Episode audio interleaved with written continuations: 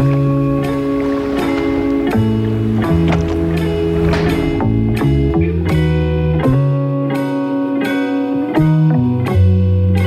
znaš da si baš u depresiji, a ne u nečem drugom? I can't tell you how I feel, but I do. Depresija, osnovni simptomi. Osjećaj beznadnosti, osjećaj krivnje, gubitak samopouzdanja, I really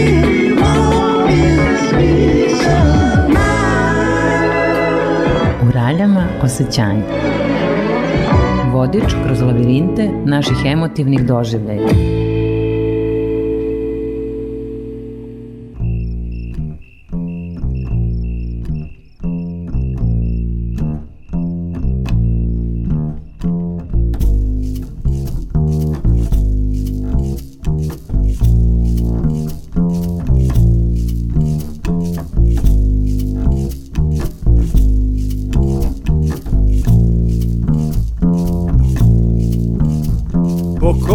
Put u životu u svojoj ludoj glavi gledaš istu sliku.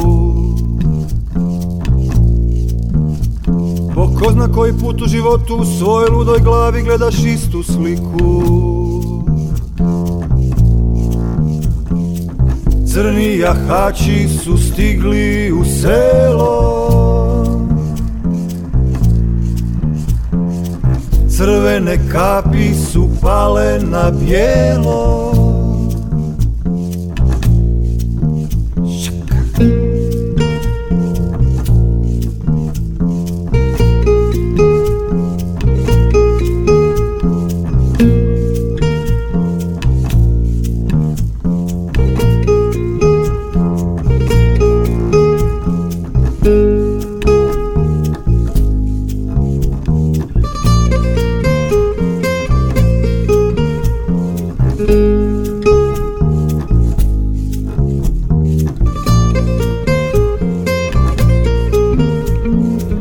zna koji put u životu u tvojoj ludoj glavi on te opet gleda. Po ko zna koji put u životu usred tvojih misli raste stup od leda. Crvene kapi su pale na bijelo. Silazi vjetar i odnosi tijelo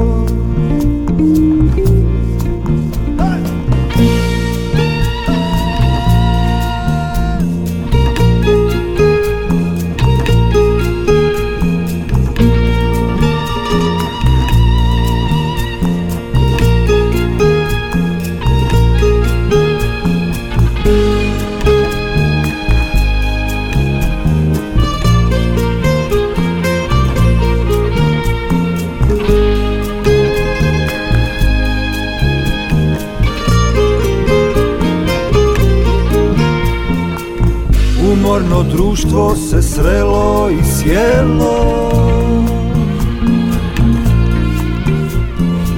Ruže je donijela žena pod velo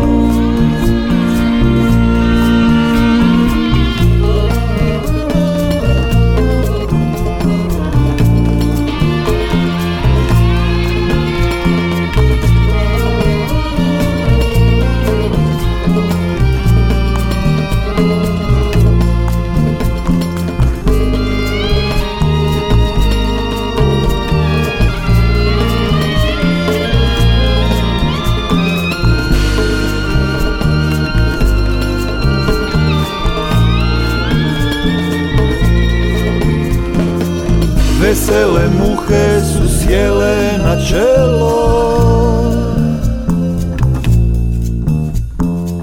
Gorak za sjećanje, sladak za jelo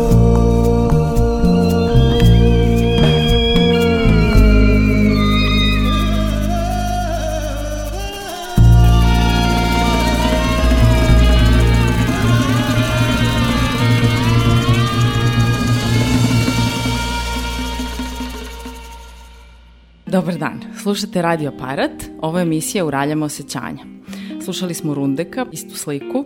Iz više razloga je danas baš Rundek. Jedan, uh, jedan od razloga je zato što je tema o kojoj ćemo danas pričati duboko utkana u sve njegove stihove a čućete uskoro koju, a koja je tema u pitanju, a drugi razlog je i što ovaj, smo se moja današnja gošća, Slađana Đorđević i ja slučajno srele u Zagrebu, gde nas je zapravo priča o psihoterapiji, o mentalnom zdravlju, osjećanjima zapravo odvela na isto mesto, a nismo to ni znali. ovaj, I Slađo, dobrodošla. Hvala ti na pozivu i lepo je videti te posle Zagreba ponovo u Beogradu. Hvala ti. Um, ja ću sad da iskoristim priliku samo kratko da se osvrnem na ovaj povod kojim sam se ja u Zagrebu našla, a to je bilo zapravo gostovanje Ralja u Zagrebu. Ana Perović, e, naša koleginica i gošća Ralja već nekoliko puta me je pozvala da u Kinoteka baru u Zagrebu, jednom predivnom mestu, ovaj, e, napravimo pa nekakve ralje samo uživo, ovaj, bilo je jako lepo ovaj, i nadam se da će to biti samo početak turneje koje će ralje imati po Hrvatskoj, a nadam se i dalje, svuda gde se razumemo i pričamo ovim istim jezikom. Želim ti puno sreće u toj turneji. Hvala, ovo je nekako i otvoren poziv za predloge i pozive, tako da da znate da ćemo rado da dođemo. Um, danas ćemo da pričamo o telu. E, ono što je nekako sve više čujemo, a verujem da je većina nas negde čula, da sve više pričamo o tome kako telo pamti. Ovih dana posebno, e, to kako telo pamti se često e, spominje u kontekstu traumatskih iskustava. Nažalost, takvih je bilo puno u poslednje vreme u Srbiji, pa se nekako otuda smo mogli da čujemo ovaj termin češće. Um, tako da iskoristit ćemo priliku danas da slađu zapravo pitamo šta to znači.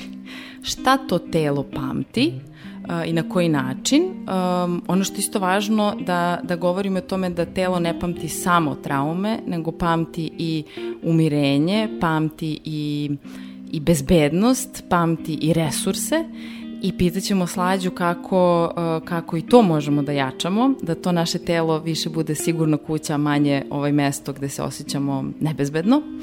Um, pitaćemo je malo o kakve to veze ima sa nervnim sistemom i našim, našom pobuđenošću. Um, meni je nekako jako značajno, iako sam umeđu vremenu jel, puno o tome i, i čitala i slušala, ali uvek mi je zanimljivo da o tome slušam ponovo um, i posebno nekako zbog nekakve predrasude koje sam nekada imala prema takvoj vrsti objašnjenja i nečemu što onako najčešće čujemo pojednostavljeno, sad se neka emocija zad, zadrži kao neki grč u telu, pa zato držim ruku ovako, jel me bole listovi ovako, pa onda kad izmasiram listove, proći će me strah i slično.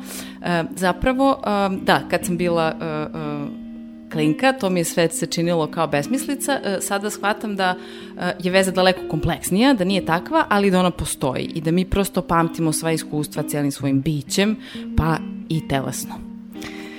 Uh, ja sam da, previše pričala, mislim da će to biti sve za danas, ostatak prepuštam Slađi i Rundeku, ovaj, tako da Slađo, ajde, ajde nekako da krenemo od početka, dakle god ti misliš da treba, kada čujemo to telo pamti, šta to uopšte znači?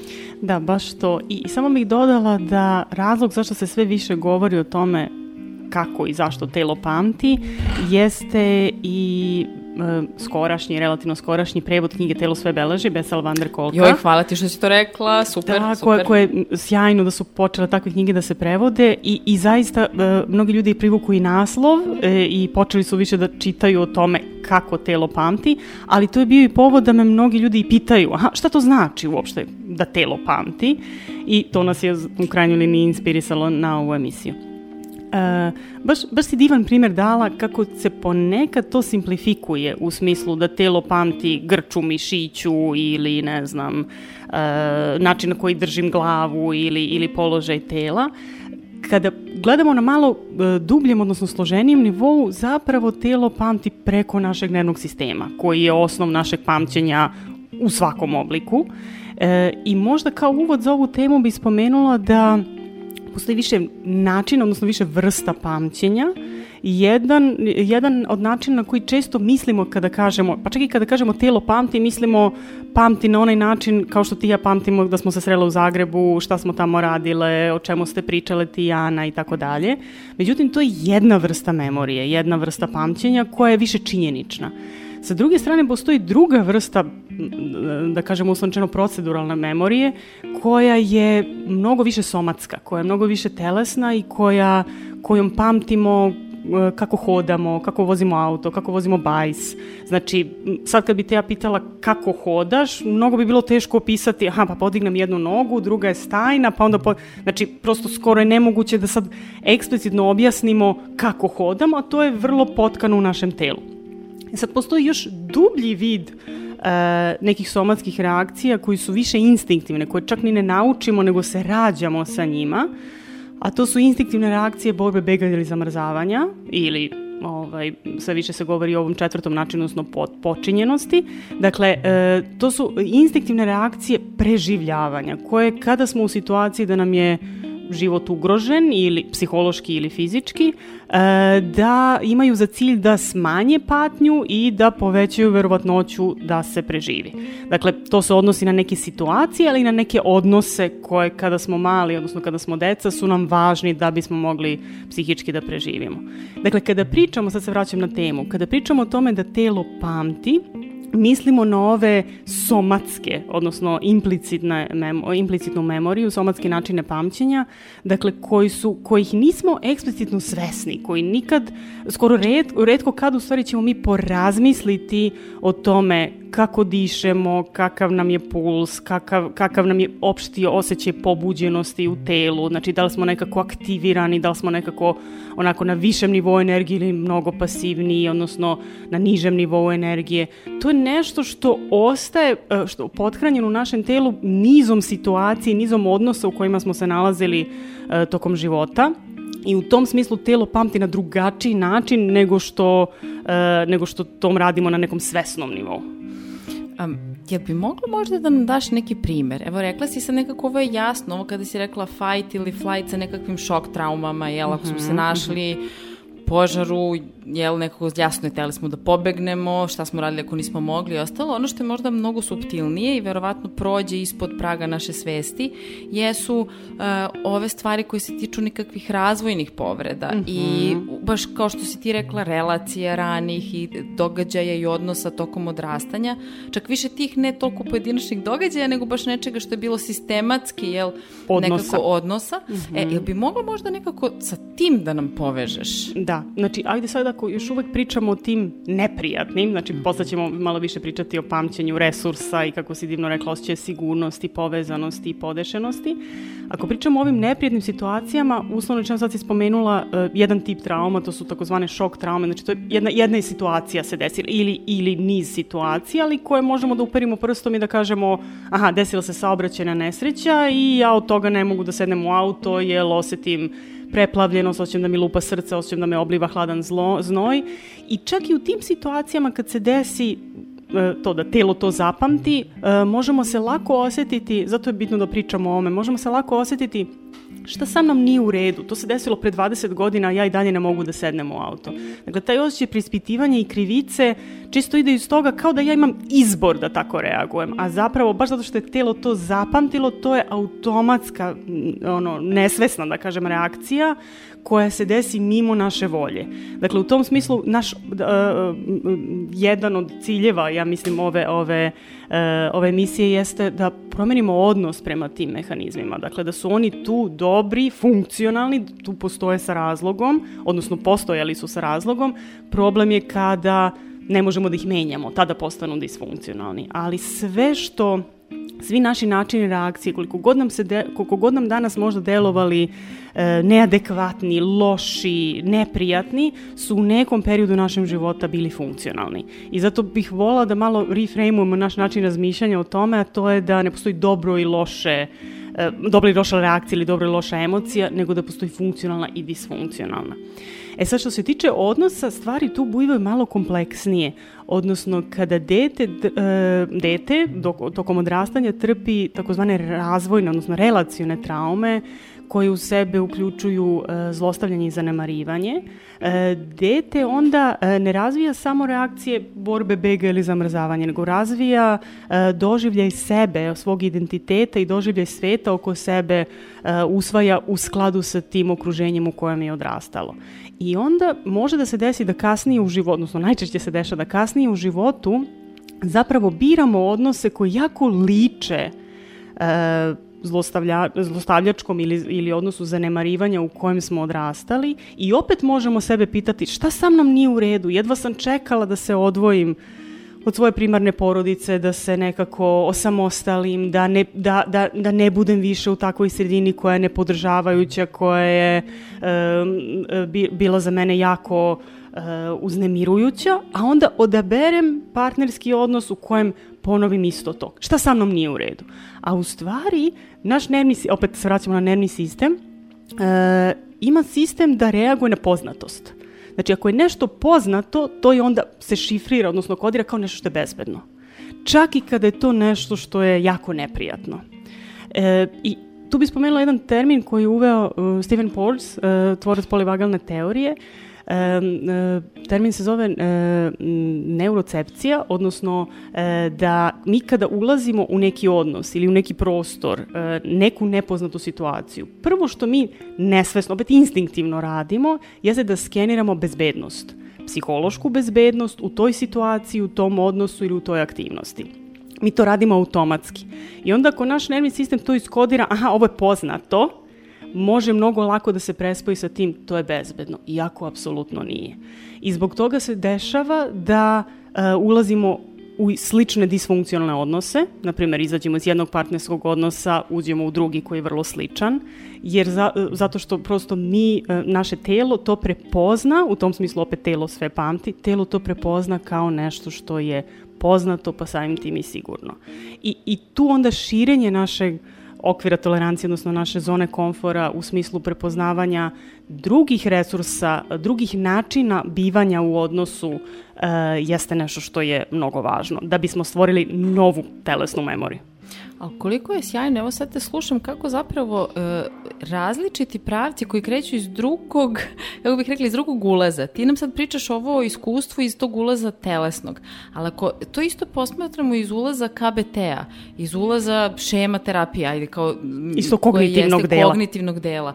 Ista je priča. Znači, Apsolutno. nama je, ja ponavljam da biram, da budem u odnosu koji će da potvrđuju moje mišljenje o Moje meni, uverenje. moju sliku o meni, moje uverenje o meni koje jeste do, manjoj velo većoj meri dostupno svesti, jel? Ali nije ovako somatsko, nije ispod praga svesti. Čak mogu i da ga osvestim Tako je. i da biram i da se pitam što biram isto. I onda stvarno nekako ovaj, nisam sigurna ovaj, ni, ni, ni gde sam to pročitala, ali iskustvo stvarno potvrđuje da je stvarno taj drive for consistency, ta, ta, taj, taj, taj poriv da održavamo isto nevrovatna sila kod nas. Veoma važna, da. I to što kažeš, nezavisno od ulaza, da li gledamo iz kognitivnog ugla, iz emocionalnog, Iz iz, telesnog, telesnog, apsolutno dolazimo do istih...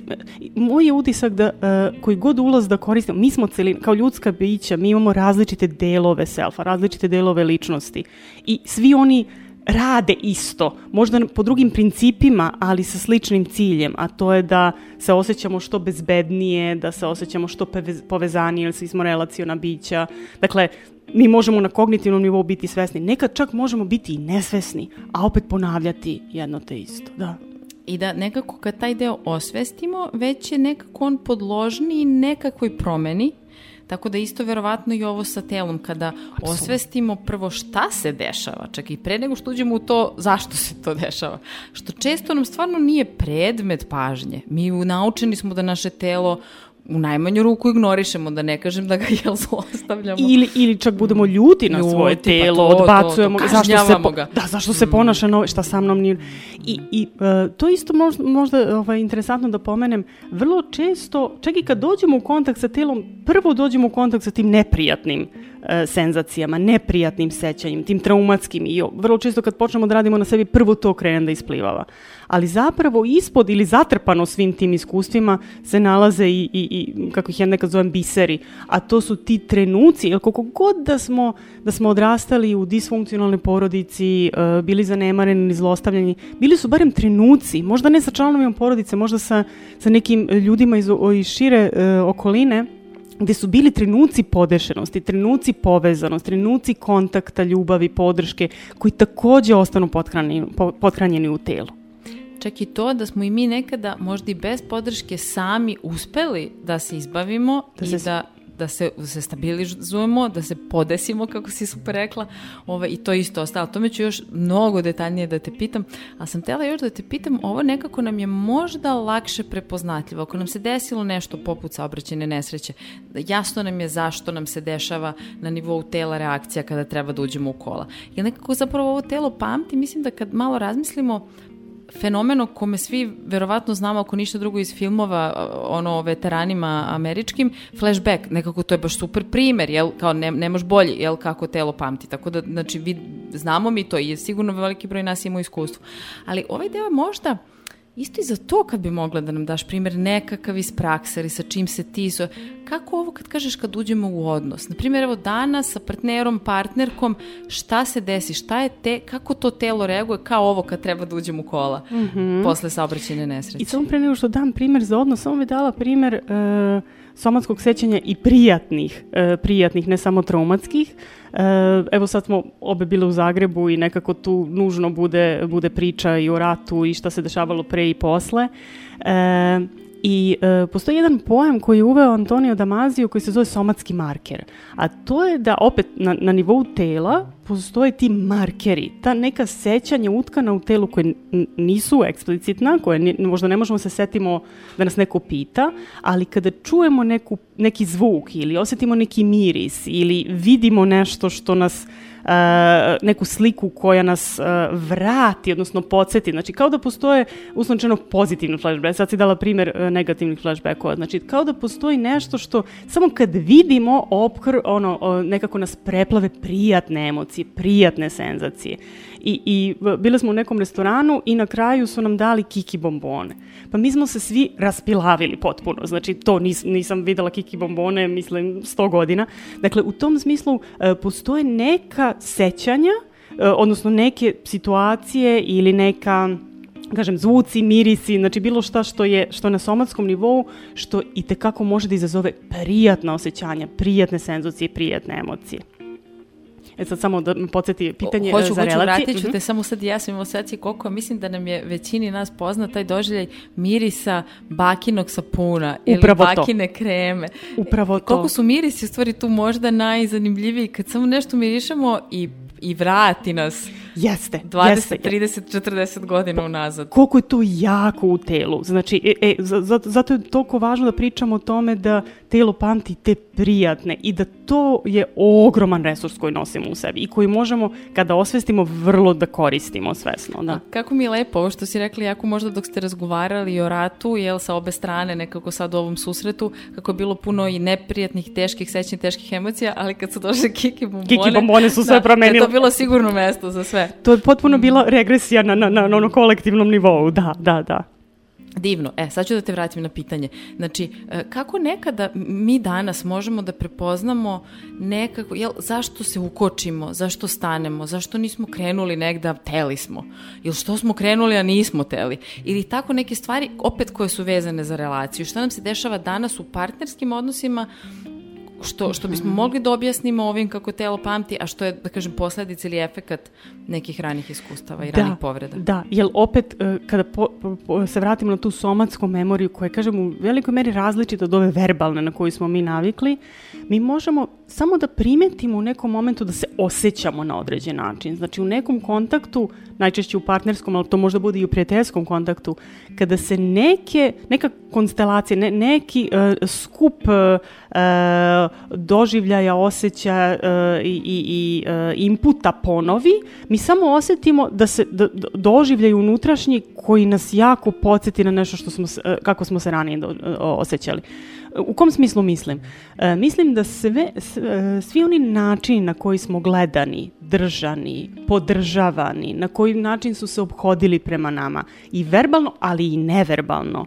Znači kakav je ton bio uglavnom, ovaj, kako su nam se obraćali, kakav je bio pogled, izraz lica, kakav je bio položaj tela, znači ne sad, ne mislim sto, ono, 24 časa, časa dnevno, nego onako atmosfera koja je vladala u kući, e, to isto os, od, odstane e, zabeleženo u našem telu e, i, i sad ću parafrazirati jednu telesnu terapeutkinju koja je rekla e, telo je naša transgeneracijska memorija. Dakle, na neki način zapravo nosimo tu atmosferu koju, u kojoj smo odrastali u sebi.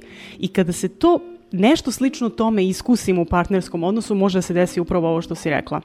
Da, ako je bila prijatna, podržavajuća, ne, ne, e, ovaj, negujuća atmosfera u kući da mi osetimo neko unutrašnje širenje, telesne senzacije koje su prijatne, koje su tople, koje nas vode ka ekspanziji, koje nas vode ka nekom sve većim, većem, veći prijatnosti u tom odnosu i da želimo da a, nekako još više se pustimo u taj odnos, a sa druge strane možemo da opet na potpuno, e, to najčešće e, op- opisujemo kao samo sam se osetila tako, ne znam zašto, ali prosto kad sam ušla e, ili kad smo ovaj, otišli negde Ili kad ili kad, smo, pogledao. ili kad me pogledao ili kad me zagre, e, ja sam se osetila tako.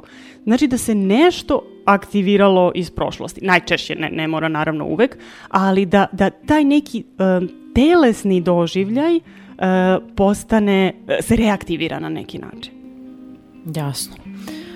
Ok, hvala ti. E, sad e, opet slušamo još malo rundeka, pa nastavljamo.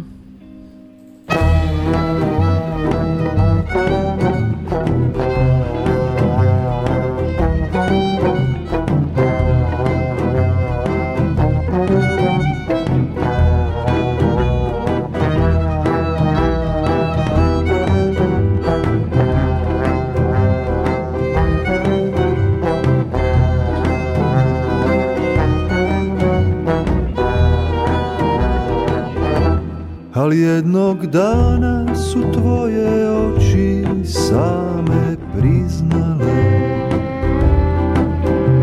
Da htjela bi da sam s tobom dok spava grad.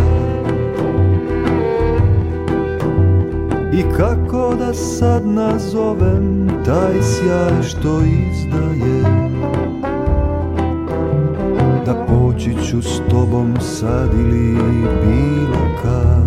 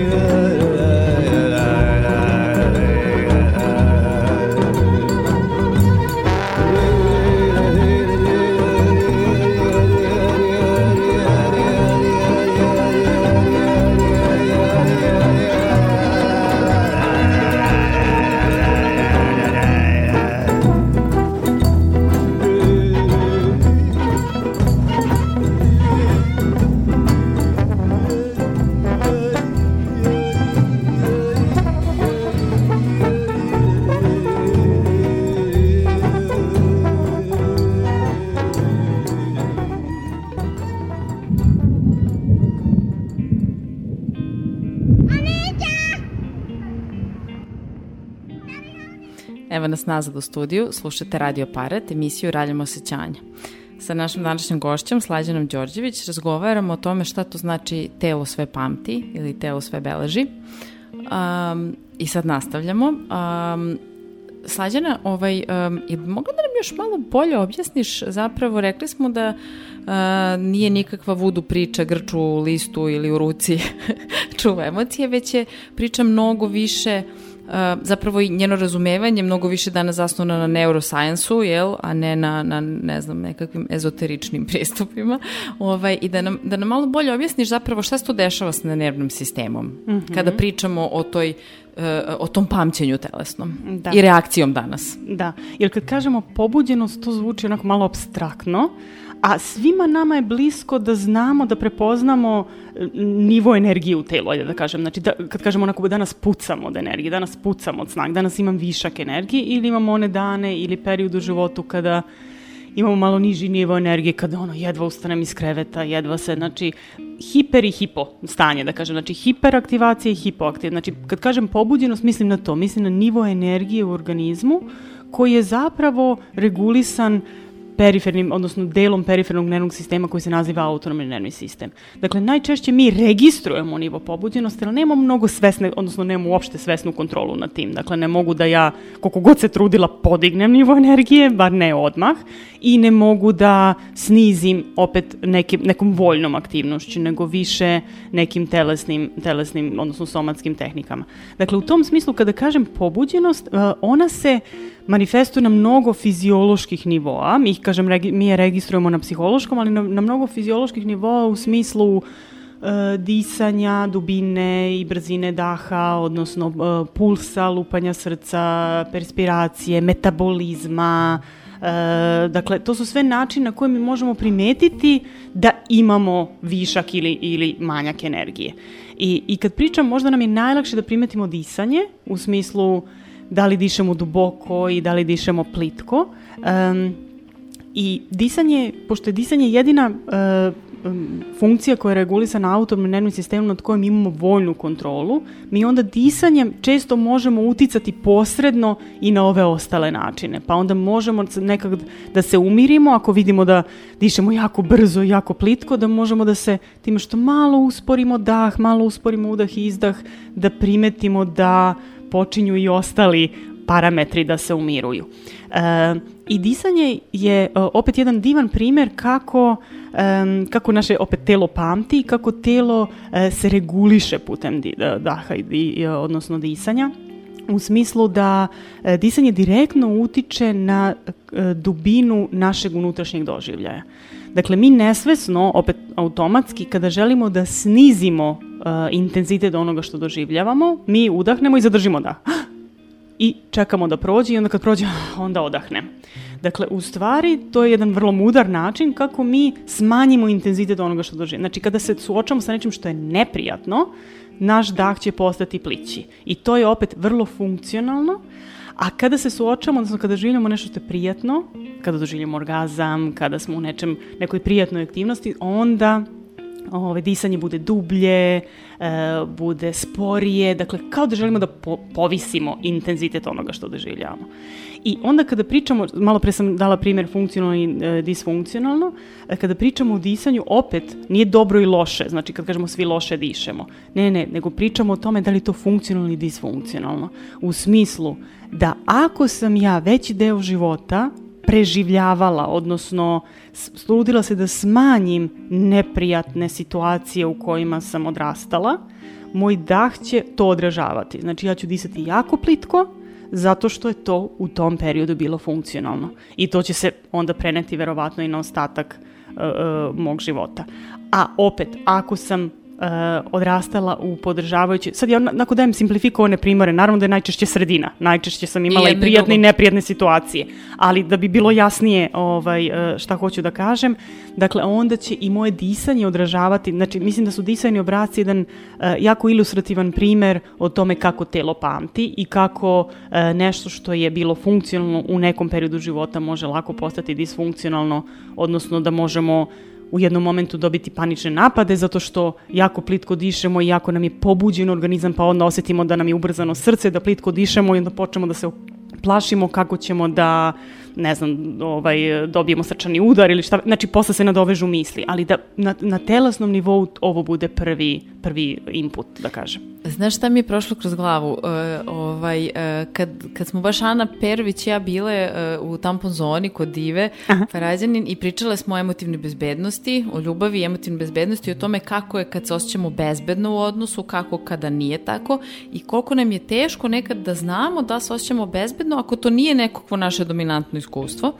Ove, I seća se kako je Ana e, e, super rekla, imala super termin kako je naše telo, naša baza podataka. E sad, Apsolutno. tu bazu je jako teško čitati ako, Ako nismo Ako navikli. nismo navikli, ali, ali sad ovo što si rekla, mislim da bi moglo da bude dobar klu.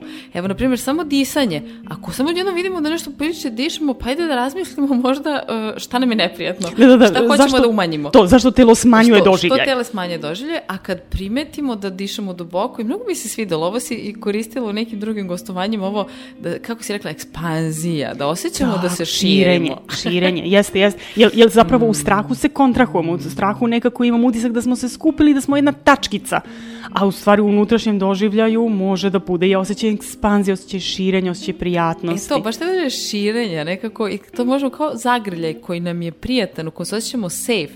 Mi smo onako ko mače, neko se opustimo i raširimo i možemo da onako iscurimo kao neka ovaj, ovaj, uh, uh, penica, a s druge strane ako je to dodir ili zagrljaj koji nam je neprijatan, mi se zgrčimo. Tako je, tako je, tako. I to nam je opet ta, ta baza podataka koja nam je ogroman resurs, jer nam telo neprekidno šalje signale na tom najbazičnijem nivou kako smo.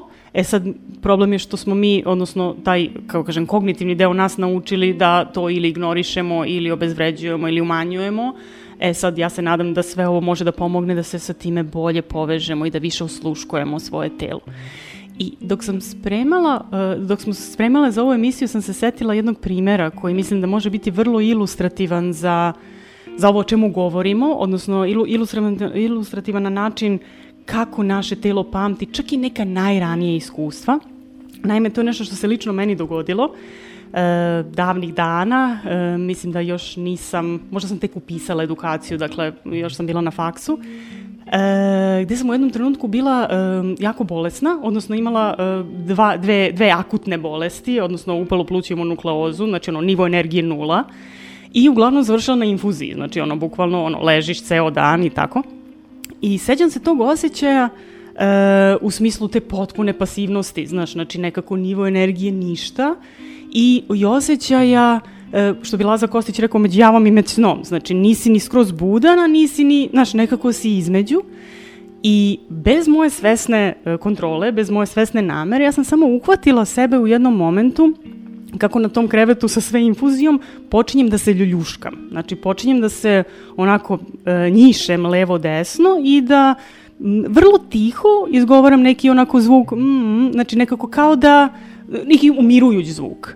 I samo u jednom momentu konstatujem da to radim onako se trgnem i kao šta se dešava i onda se setim da, su to zapravo, da je to zapravo bio način na koji su me roditelji uspavljivali kad sam bila beba. Da, a da si me pet minuta pre toga pitala kako su me uspavljivali, rekla bi nemam, nemam pojma, mislim ko se toga seća. Znači, hoću da kažem da ovo mi je divan primer kako telo na tom najbazičnijem nivou pokušao da umiri samo sebe. Dakle, kako koregulacija prethodi samoregulaciji. Znači, kada sve skinemo, kad skinemo ove kognitivne, svesne namere, aha, šta bi moglo da me umiri, šta bi moglo da me...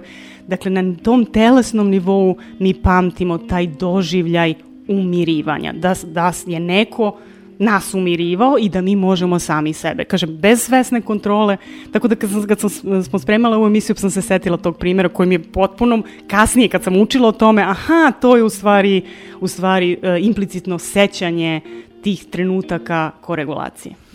A koliko je ovo dobro primer, pričaš o nekom najranijem uzrastu, zato što mi, e, mi danas dominantno iskustvo, većina nas, ajde, ako nismo telesni terapeuti ili klijenti na telesnoj terapiji. Ovo je bilo pre moje edukacije, To, to. naglašavam.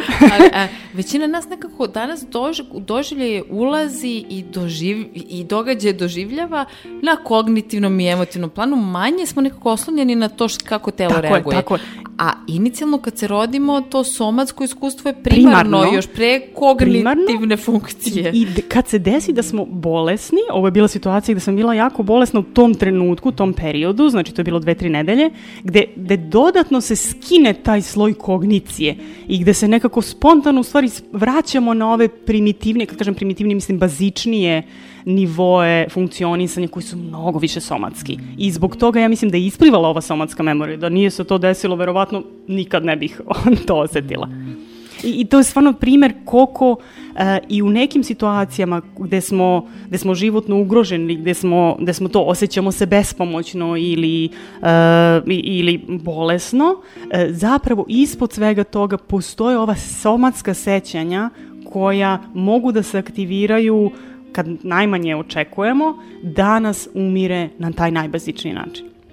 A u stvari koliko je to povezivanje i ono što si nas ti, ti učila, ovaj, integracija tog iskustva Tako sa je. svih tih ulaza, i telesnog i kognitivnog, od kad kognitivna funkcija postoji, što nije ceo naš život. Tako ali, je, Da, tako ali, je. Ali, jel, i kad pričamo o nekim kasnijim iskustvima, koliko nekada kada tu neku telesnu senzaciju danas koja nam nije jasna, povežemo zapravo sa nekom idejom, sa sećanjem, sa osjećanjem, e onda već nekako to donosi to umirenje. To jel da? umirenje, tako je. Jer, jer ovaj primjer koji sam dala je dakle vrlo ran, to je ono prva godina života, ali zapravo mi nastav, ta, ta somatska sećanja nastavljaju da se talože i razvijaju tokom celog života.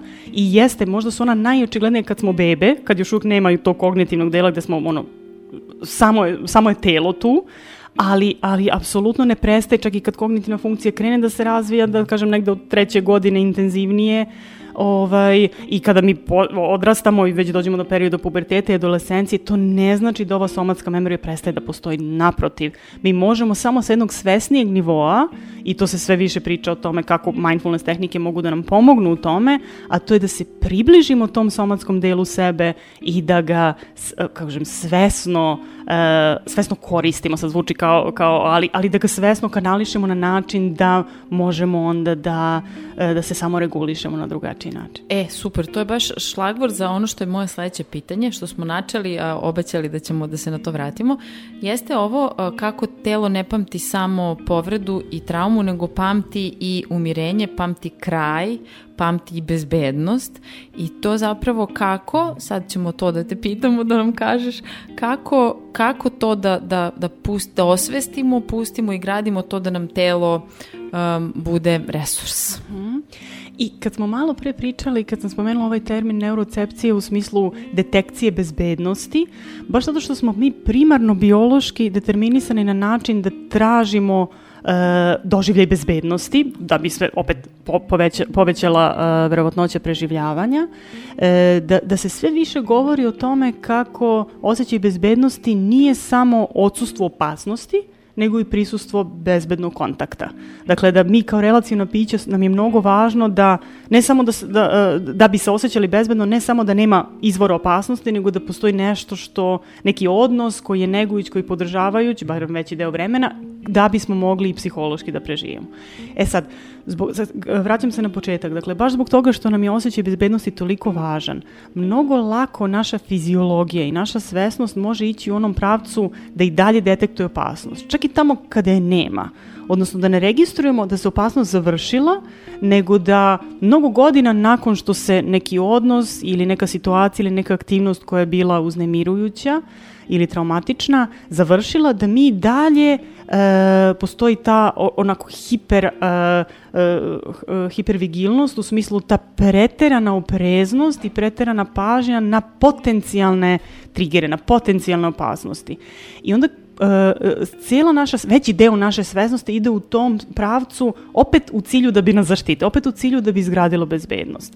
Ali tu se dešava jedno previđanje realnosti, a to je da, kažem, na tom neurofiziološkom nivou koji opet ima za cilj da da preživimo, ali se, e, e, dešava se to da se previdi realnost, a to je da smo preživeli, odnosno da je situacija prošla, ako je prošla, sad pričamo o situacijama gde se to desilo u prošlosti, gde se trau- trauma desila u prošlosti, i u tom smislu naša svesnost o tome da smo sada bezbedni ili da se desila situacija u prošlosti kada smo došli do nekog izvora bezbednosti i sigurnosti, nekog sigurnog mesta i sigurne osobe, zapravo to onda gradi jedan novi imprint u telu. Znači, grade jedan novo, odnosno po, uh, po, pomaže nam da se ponovo povežemo sa tim osjećajem da smo bezbedni.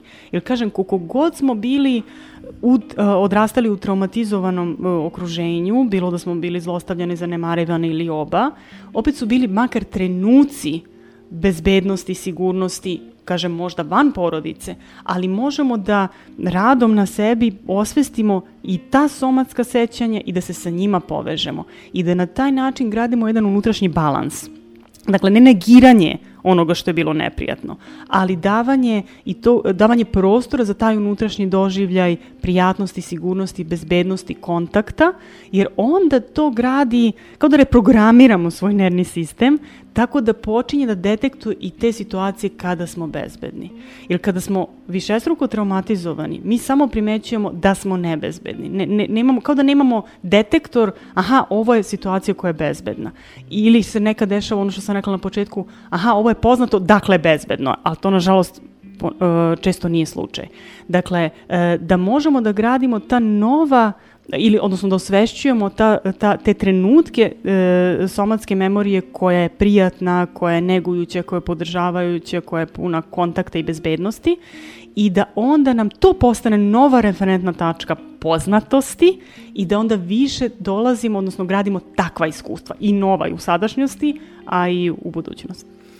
Koliko je to važno nekako sad uh, kad te slušam da, da, um, da osvestimo stvari koliko je važno i, i u psihoterapeutskom radu. Jel, kad radimo sa klijentima koliko je važno da im osvestimo, to jest da im pomognemo da osveste ta sigurna mesta. Tako je. To da su pre nego što, čak možda i pre nego što uđemo u to da obrađujemo i prorađujemo traumatska iskustva, koliko je važno da pre toga se postaramo da znamo da se opasnost završila, ne samo objektivno, već i da se, Tako da se telesno osvesti taj deo da je sad danas stvarno Tako je. bezbedno. I u nekim terapeutskim modelima se, se, se ta sigurna mesta, odnosno sigurne aktivnosti ili naz- nazivaju sidro. To mi se mnogo sviđa taj termin u smislu koliko god da je bura na površini, ako ja imam sidro u kojoj ću da se spustim, to može mnogo da pomogne. I u tom smislu e, i u terapijskom radu, ali i u životu, da podjednaku pažnju dajemo i jednom i drugom. Jer kažem, vrlo lako možemo otići samo da se bavimo nečim što je neprijatno i samo da čačkamo, aha, još, još a da vidimo zašto je ovo, ajde da vidimo šta je još strašno bilo, hajde da vidimo, da kopamo po, po prošlosti, a zapravo ne, ne dajemo prostora i nečemu što je prijatno. Ne mislim u smislu pozitivne psihologije, to moram da imam jedan disclaimer, znači ne u smislu samo misli pozitivno i dešavaće se, apsolutno ne, nego u smislu građenja jednog balansa, jednog celovite slike, gde ćemo imati oslonac, gde ćemo imati sidro i da onda sa tim sidrom možemo da se suočimo sa olujom. Dakle, Jasno. onda imamo veći kapacitet da tu oluju integrišemo i, i sadržavamo i da prođemo kroz nju nego kada nemamo to sidro. Naravno, mislim, misli pozitivno je, je jedan, ja sad izvinjam, veliki bullshit, jer mislim, ne možemo da mislimo pozitivno na sve što nam se dešava i na dobre i na loše stvari, to onda nije dobro, jel to onda ne, gubimo kompas, ne znamo ka čemu treba da idemo i iz čega treba da izađemo. Da, gubimo kontakt s realnošću. Tako je. Jer realnost nije samo pozitivna, nije samo prijatna, vrlo često i neprijatna. Ali u stvari ovaj deo osvešćivanja, jer čim smo tu, evo ako smo na terapiji, pa čim smo tu, čim smo dovoljno preživali, ne samo fizički, nego i u psihološkom smislu, da dođemo i potražimo pomoć, znači uspeli smo. Znači, neki resurs neki postoji. resurs postoji koji nas je u toj buri e, spasio i Tako je. doveo ovde da idemo dalje. I sad, Tako apropo toga, e, e, nekako nije bilo pravedno kada sam pričala o tome šta su nam nekako driving forces i kada jeste drive for consistency ako idemo ka lošem, ali ono što sad mi stalno dolaze asocijacije sa, sa tvojih edukacija pa će da ispadne kao reklama za kurs, ali ono što sam isto jako važno naučila jeste da nije to jedina sila koja nas vuče. Tako Ima je. i ova druga koja ne ide iz traume, ne ide iz povrede, nego ide iz toga hoću da budem zdrava, hoću da živim, da mi bude dobro.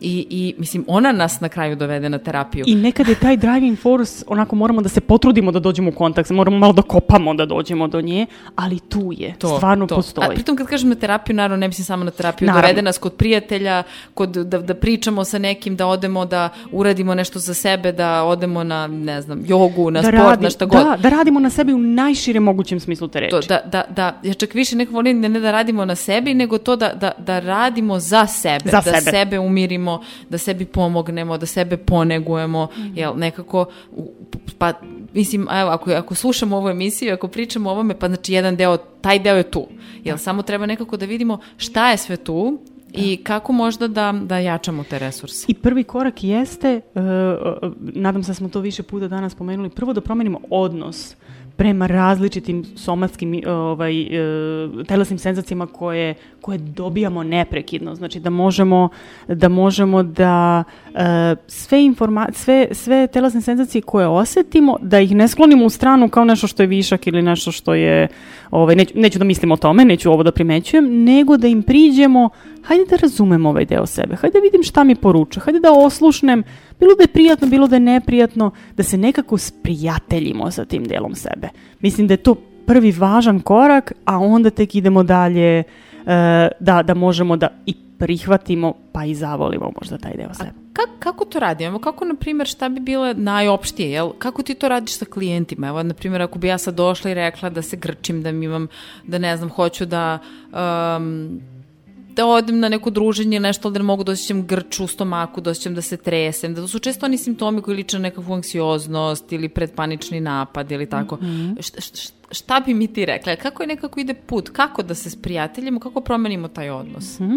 Jedan od puta, si malo pre spomenula, je kognitivni, a to je, ajde da sad pričamo o tome zašto tako razmišljaš, kako možeš drugačije da razmišljaš i tako dalje. A ovaj e, ulaz telesni bi bio, a da li postoji neki deo tela gde se osjećaš da je manje grč ili da je manje neprijatno? I onda da se povezujemo i sa jednim i sa drugim delom tela. Dakle, kao što bismo radili sa emocijama, da, ok, postoji strah ili postoji anksioznost ili postoji tuga ili neka neprijatna emocija, da li postoji neki trenutak kad postoji neka prijatna emocija ili nešto što je, što je manje neprijatno. Dakle, u tom smislu tragamo za resursima i unutar samog tela i na taj način em, malo redukujemo napetost. Zapravo, e, kao da ra, raspršujući svesnost dajemo, e, dajemo sebi malo oduška. Um, ja bi još nešto tela da nam kažeš na ovome šta je nekako... uh, možda još nešto od instrukcija Mhm. kako da bolje osluškujemo telo, kako da čujemo to, kako da otkrijemo šta je to zapamćeno i šta s tim da uradimo. Rekla si nam, ali... Da, da, ali bi dodala, baš si me, baš si me ovaj, nekako kad sam uh, zastala sam pomislila da želim da, da podelim još, još jedan korak, jer nije dovoljno um, samo osvestiti, znači samo se sprijateljiti, odnosno aha, ok, nešto se dešava u tom mom telu, šta, šta je to? E, I jedan deo je i to povezati sa drugim delovima sebe. Znači, jedno je osvestiti senzaciju, ali onda povezati je sa time kako se osjećam, drugo je povezati sa tim o čemu razmišljam, treće je povezati je o, sa tim šta zamišljam. Dakle, e, u tom smislu, ili sa svojim nekim ponašanjem, dakle, u tom smislu povezati različite ocepljene delove ličnosti. Jer često se dešava, na primjer, ako smo jako kognitivna osoba, e, lako boravimo u mislima i lako onda sklonimo u stranu, na primjer, telo ili emocije ili fantaziju i tako dalje. Onda samim tim što smo možda previše u mislima, onda mogu misliti da nas mnogo lako preplave. Znači, bukvalno kao da sva energija ode u tom pravcu. I onda samim tim što osjećam, aha, dok tako razmišljam, kako se osjećam? Ili kako se osjećam u telu? Ili šta zamišljam? Ili šta se dešava na nivou mišića u mom telu? Dakle, ako povežem sa tim drugim aspektima ličnosti, intenzitet misli obično opadne. Dakle, e, nije samo osvestiti, nego i povezati, odnosno integrisati. Jer, kao što sam rekla na početku, mi smo celina. Dakle, nije dovoljno samo jedan, ce, celina psiholoških i telesnih aspekata. Dakle, nije dovoljno samo jedno ili samo drugo ili, dakle, mnogo je važno da da e, i to možemo da vežbamo, na primjer evo dok ti ja sada pričamo, koje nam misli dolaze, kako se osjećamo u telu, kako se osjećamo, šta zamišljamo, šta razmišljamo o tome šta ćemo sledeće da kažemo. Dakle, može da se vežba ta unutrašnja integracija e, tom, tim tehnikama pune svesnosti i onda one vode jednom većem balansu, većem unutrašnjem balansu i, i, razvijaju veći kapacitet za samoregulaciju. Super, baš i nekako i ono što smo pričali, što si sama rekla, to da vidimo kako dišemo. To bi mogo da nam bude nekakav znak pa da promatramo, a čekaj, a što sam sad plitko dišem? A što, a vidi kako sad sam se opustila, sad sam izdahnula, znači ovo je neki dobar Da, znak. i nekad sama svesnost o telu može da nas umiri. Nekad ne, ako nas uznemiri svesnost o telu, a i to je vrlo često, onda može da, nas, da nam neke telesne tehnike u smislu svesnost o spoljašnjoj sredini pomogne da se umirimo. Dakle, ako je ono što je unutar mene vrlo preplavljujuće i vrlo uznemirujuće, može da se desi da svesnost o tome gde se nalazim, šta vidim, šta čujem, šta dodirujem, da zapravo to može da pomogne da ove unutrašnje telesne senzacije malo umirim. Dakle, možemo na više nivoa raditi, ali kažem nekako krajnji cilj jeste neki osjećaj koherentnosti, integrisanosti, povezanosti koje, koje vodi, kažem, većoj samoregulaciji. I ovo kada, kada osetimo da smo odreagovali na nešto što nam se čini da nema veze sa trenutnom situacijom i da možda doživimo neki doživljaj ugroženosti, da se vratimo na to da je sada i ovde ipak bezbedno. Da, da. I šta može da nam pomogne u tome? Da li mogu da nam pomognu ono, čulna aktivacija, da stvarno pogledam po prostoriji, da li može da mi pomogne da se setim gde sam ili da se podsjetim koliko imam godina, gde se nalazim. Dakle, postoji mnogo načina na koje mogu da se stabilizujem i tek kad se stabilizujem kao da mi se onda vrate kognitivne funkcije. U tim situacijama kad se osjećamo preplavljeno, mnogo je teško da mislimo. I kontakt je taj isto ne, koji može Jeste. da nas, da, kontakt sa nekim koji jeste siguran. Jeste, jeste, jeste. I, i čak, e, evo sad smo imali i, kako si u uvodu lepo rekla, e, nažalost mnogo, mnogo traumatskih situacija u, u, skorašnje, u, u, u nekom skorašnjem periodu e, i baš za, za decu i za, za tinejdžere se i prvo kaže, prvo je relate, prvo se povezati, pa onda uh, regulate, pa onda regulisati i tek na kraju reason. Tek na kraju mogu da pričam, to što mi se tek na kraju vrate kognitivne funkcije. Znači, dete koje je preplavljeno, pa mogu da pričam tom detetu do sutra, apsolutno me neće čuti ako ništa drugo. Dakle, u tom smislu povezanost, kontakt, e, koregulacija prethodi bilo kakvom kognitivnom razumevanju. Eh, koliko sam puta to čula, koliko često zaboravim. I onda krenemo da objašnjavamo Da detetu. pokušavam da regulišem svoje dete. Tako što mu kažeš kako se ponaša, tako što da. joj kažeš kako se... Ali u stvari to radimo i sebi. Apsolutno, apsolutno. Kao, što sad ja ovako, što, što sam takav kreten, šta sa mnom nije u redu, pa se ovako... Znači, ne, ne, ne, hajde prvo da se povežem sa tim delom sebe, ako pričamo o telesnom, onda sa telesnim delom sebe, da se, da, da nekako ga razumem, zagrlim, u metaforičnom smislu mislim, a onda i da razumem zašto se tako ponaša. I mislim da je stvarno mnogo važno nekako da vratimo telo u jednačinu. Tako kad se je. pitamo kako smo, šta želimo, kad donosimo odluke, ali ne na sad bizarnom nivou jao, da li sad, mislim, nikad niko nije stalno opušten, ne de mi Naravno. jetra, de mi bubreg, mislim, ne u tom smislu, Ne, ne, ne. nego bukvalno samo ta, ta, ta, baš ta nivo uznemirenosti ili smirenosti i pobuđenosti, samo, samo da ga čujemo i da ga u- ubacimo u jednačinu, Baš ništa se više od toga. Baš mi se sviđa ovo da vratimo telo u jednačinu. Tako je, da nije nebitna Da nije nebitno. varijabla u jednačinu. Apsolutno je bitna. Nije da, da, da. daleko od toga da ima i jasne signale, nekad jesu, nekad nisu, treba ih povezati i sa mislima i sa osjećanjima i sa svim, daleko od toga da je jednostavno i da je lako, ali ajde da probamo, mislim da može da znači. Tako je. I često je, ovo što si malo precitirala Anu Perović, često je naša vrlo važna baza podataka. I koju ne umemo lako da koristimo, ali kao i svaka baza podataka, kad neko vreme se upoznamo s njom. Da, i ja sve više i više govorim, pošto se mnogo često priča u posljednjem, e, posljednjem periodu o emocionalnoj pismenosti, ja sam sve više zagovornica toga, ajde da pričamo o telesnoj pismenosti, ajde da pričamo o tome koliko je važno da razumemo jezik tela, koji su zapravo, koje su zapravo telesne senzacije. Znači, hajde da im priđemo na način da naučimo taj jezik. On nam je vrlo često, nažalost, nepoznat, ali može da se savlada. I jeste, i ono što vidim, i to stvarno smatram svojim najvećim roditeljskim uspehom, što to još uvek nisam uspela da pokvarim, a nadam se da neću, koliko kada gledam svoju čerku, njoj je telo vrlo, vr- vrlo ga jasno čuje. Ja mislim da su de, kontakt dece, to, to se kasnije kod nas odraslih e, izgubi, da kažem, pod uticajem sredine, ako mene pitaš, ali kod dece je to vrlo spontano i vrlo, i, i, i to samo potvrđuje koliko je naše telo naša baza. To, koliko je njoj jasno šta joj prija, šta joj ne prija, šta želi, šta ne želi, čega je mnogo, čega je malo, gde je je. prijatno, nju telo zabavlja, njoj je telo izvor je, snage, zabave, radosti, mislim, eto, to je ovaj, To se kasnije u socijalizaciji desi, e, šta, sad si našla ti si da u WC, ćuti tu, ajde sad je vreme da za, e, za ručak, sad je vreme za spavanje. Znači, učimo dete kako da ne prati svoj bioritam, kako da ne prati svoje telo. Ali deca prirodno, spontano, apsolutno izranjaju iz somatskog. Da, tako da je to samo to da im ne pokvarimo, mislim da smo već veliki deo ovaj, našeg posla kao roditelja ovaj, odradili. Slađana, mnogo ti hvala. Mislim da je, da, nam, da je ovo bilo stvarno dragoceno objašnjenje toga šta znači da telo pamti, šta pamti kako i šta možemo s tim danas da uradimo i da ga vratimo u jednačinu. I, uh, by the way, ovo je naša poslednja emisija u ovoj sezoni. Pravimo kratku pauzu, mislim, juli, avgust, letnju. Uh, ne samo ralje, nego ovaj, um, ne samo ralje, nego i, i ovaj, um, ceo, ceo radio aparat. Još samo da, pre nego što uh, uh, va- vas pozdravim, samo da pomenem još jednu knjigu koju je Slađa na početku spomenula, Telo sve beleži. Uh, prevod, uh, autor, ajde ti, jer ja umem da ga pogrešim, molim te. Telo sve beleži. Da, Autor. the, the Body Keeps the Score je Bessel van der Kolk je autor. Je, hvala ti. Inače, uh, uh, inicijativa za prevođenje, u stvari cel, i prevođenje je odradio ovaj uh, savjetovalište Mozaik. Ovaj, I hvala im na tome. I da, na čelu sa Tijanom Mirović, koju isto znate i hvala im stvarno na tome veliko. I sad kaže Slađa da ima i hrvatsko izdanje, jel? ovaj, um, tako da da, eto, to je topla preporuka i um, možda preporuka za čitanje ako vas je ova tema uh, i ovo sve o čemu smo danas pričali zainteresovalo i teli biste da čujete još.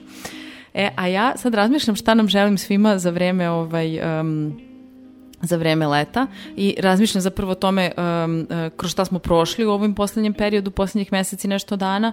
I samo bi se na kratko svrnula to da nekako, mislim da je mnogo važno da razumemo sebe, da um, sve ove, ovi tragični, traumatični događaji koji su se desili, koliko god da smo i možda daleko, da vrlo verovatno jesu imali uticaj na nas i da su možda okinuli ko zna kakve naše rana, neka traumatska iskustva i da prosto damo sebi prostora i telu i, i, i sećanju i svemu da, da obradi sve što je došlo, ali i da probamo da se vratimo na to da je, eto, sada barem, jel, najverovatnije dovoljno bezbedno, da šetamo ulicama, idemo u školu, jel, i da nastavimo u školu i od, od septembra za sve nas koje, ovaj, koje to čeka. I da se vratimo svojim resursima. I, I da se svojim- vratimo onome što možemo da predvidimo i što možemo da kontrolišemo, a toga ima.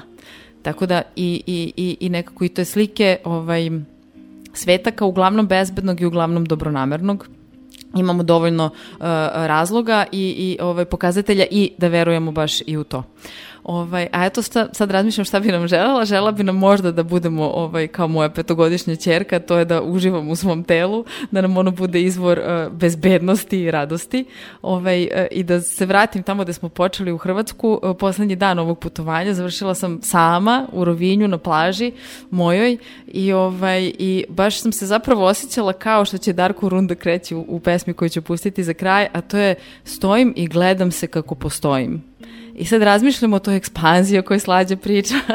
O Da se- bivanju u telu. O bivanju u telu i da mi je nekad to kada je lepo i bezbedno sasvim dovoljno, predivan je osjećaj, tako da nam svima želim što je više moguće takvih trenutaka tokom leta. A, budite dobro i slušamo se dva meseca. Ovo je bila emisija Raljamo osjećanja, naša gošća Slađana Đorđević, moje ime je Đurđe Timotijević. A, slušamo se ponovo.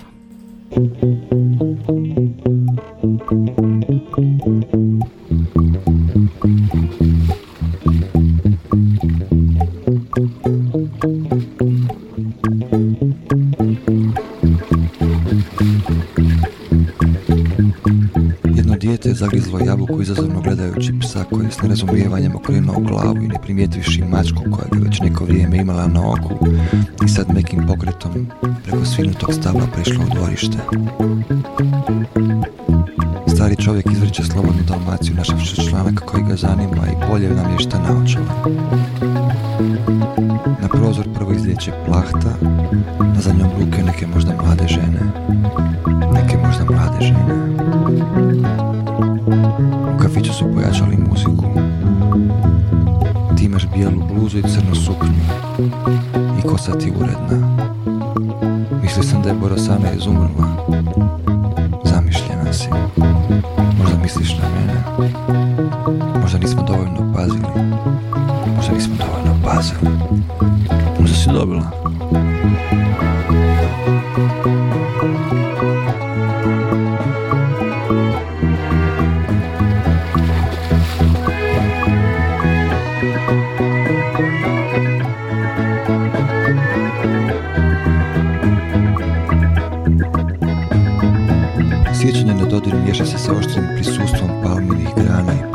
Akustikom koju donosi ručka zrak toplog sumraka.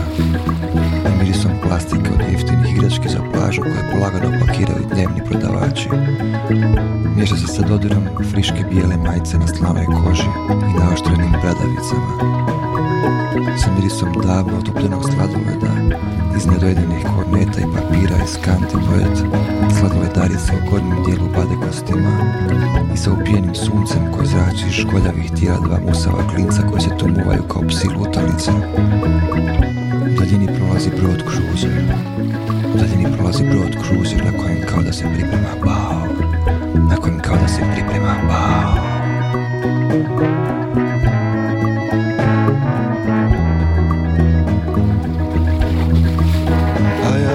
Stojim i gledam se kako postoji.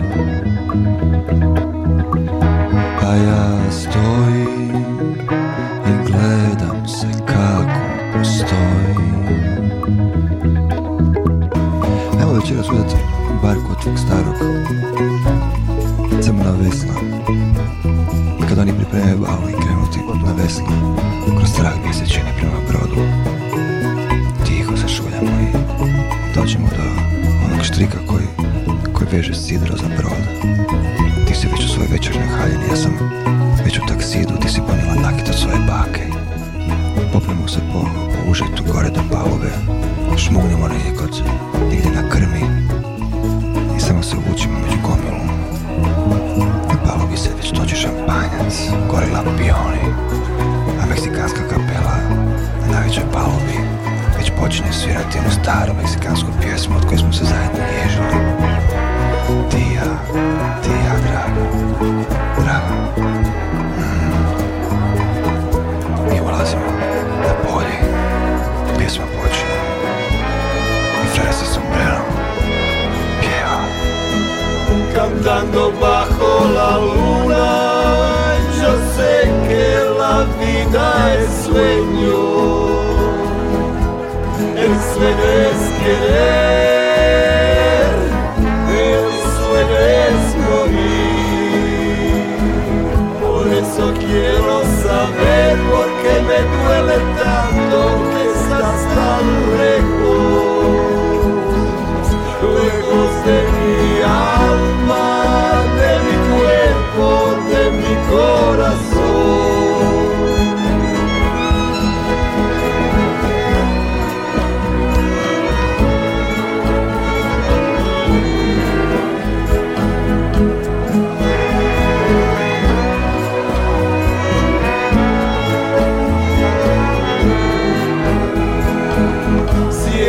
estarías a mi lado, navegaríamos tranquilos por los sueños.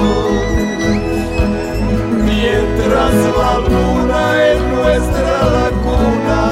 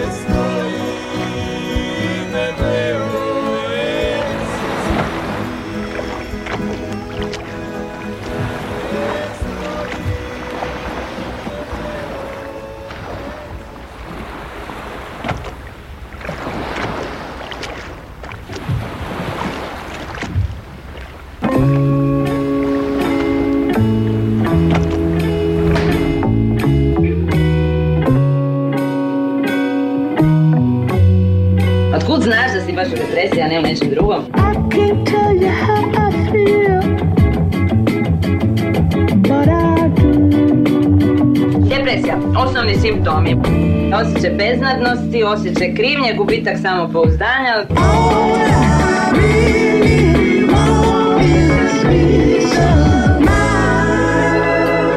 U raljama osjećanja. Vodič kroz lavirinte naših emotivnih doživljaja.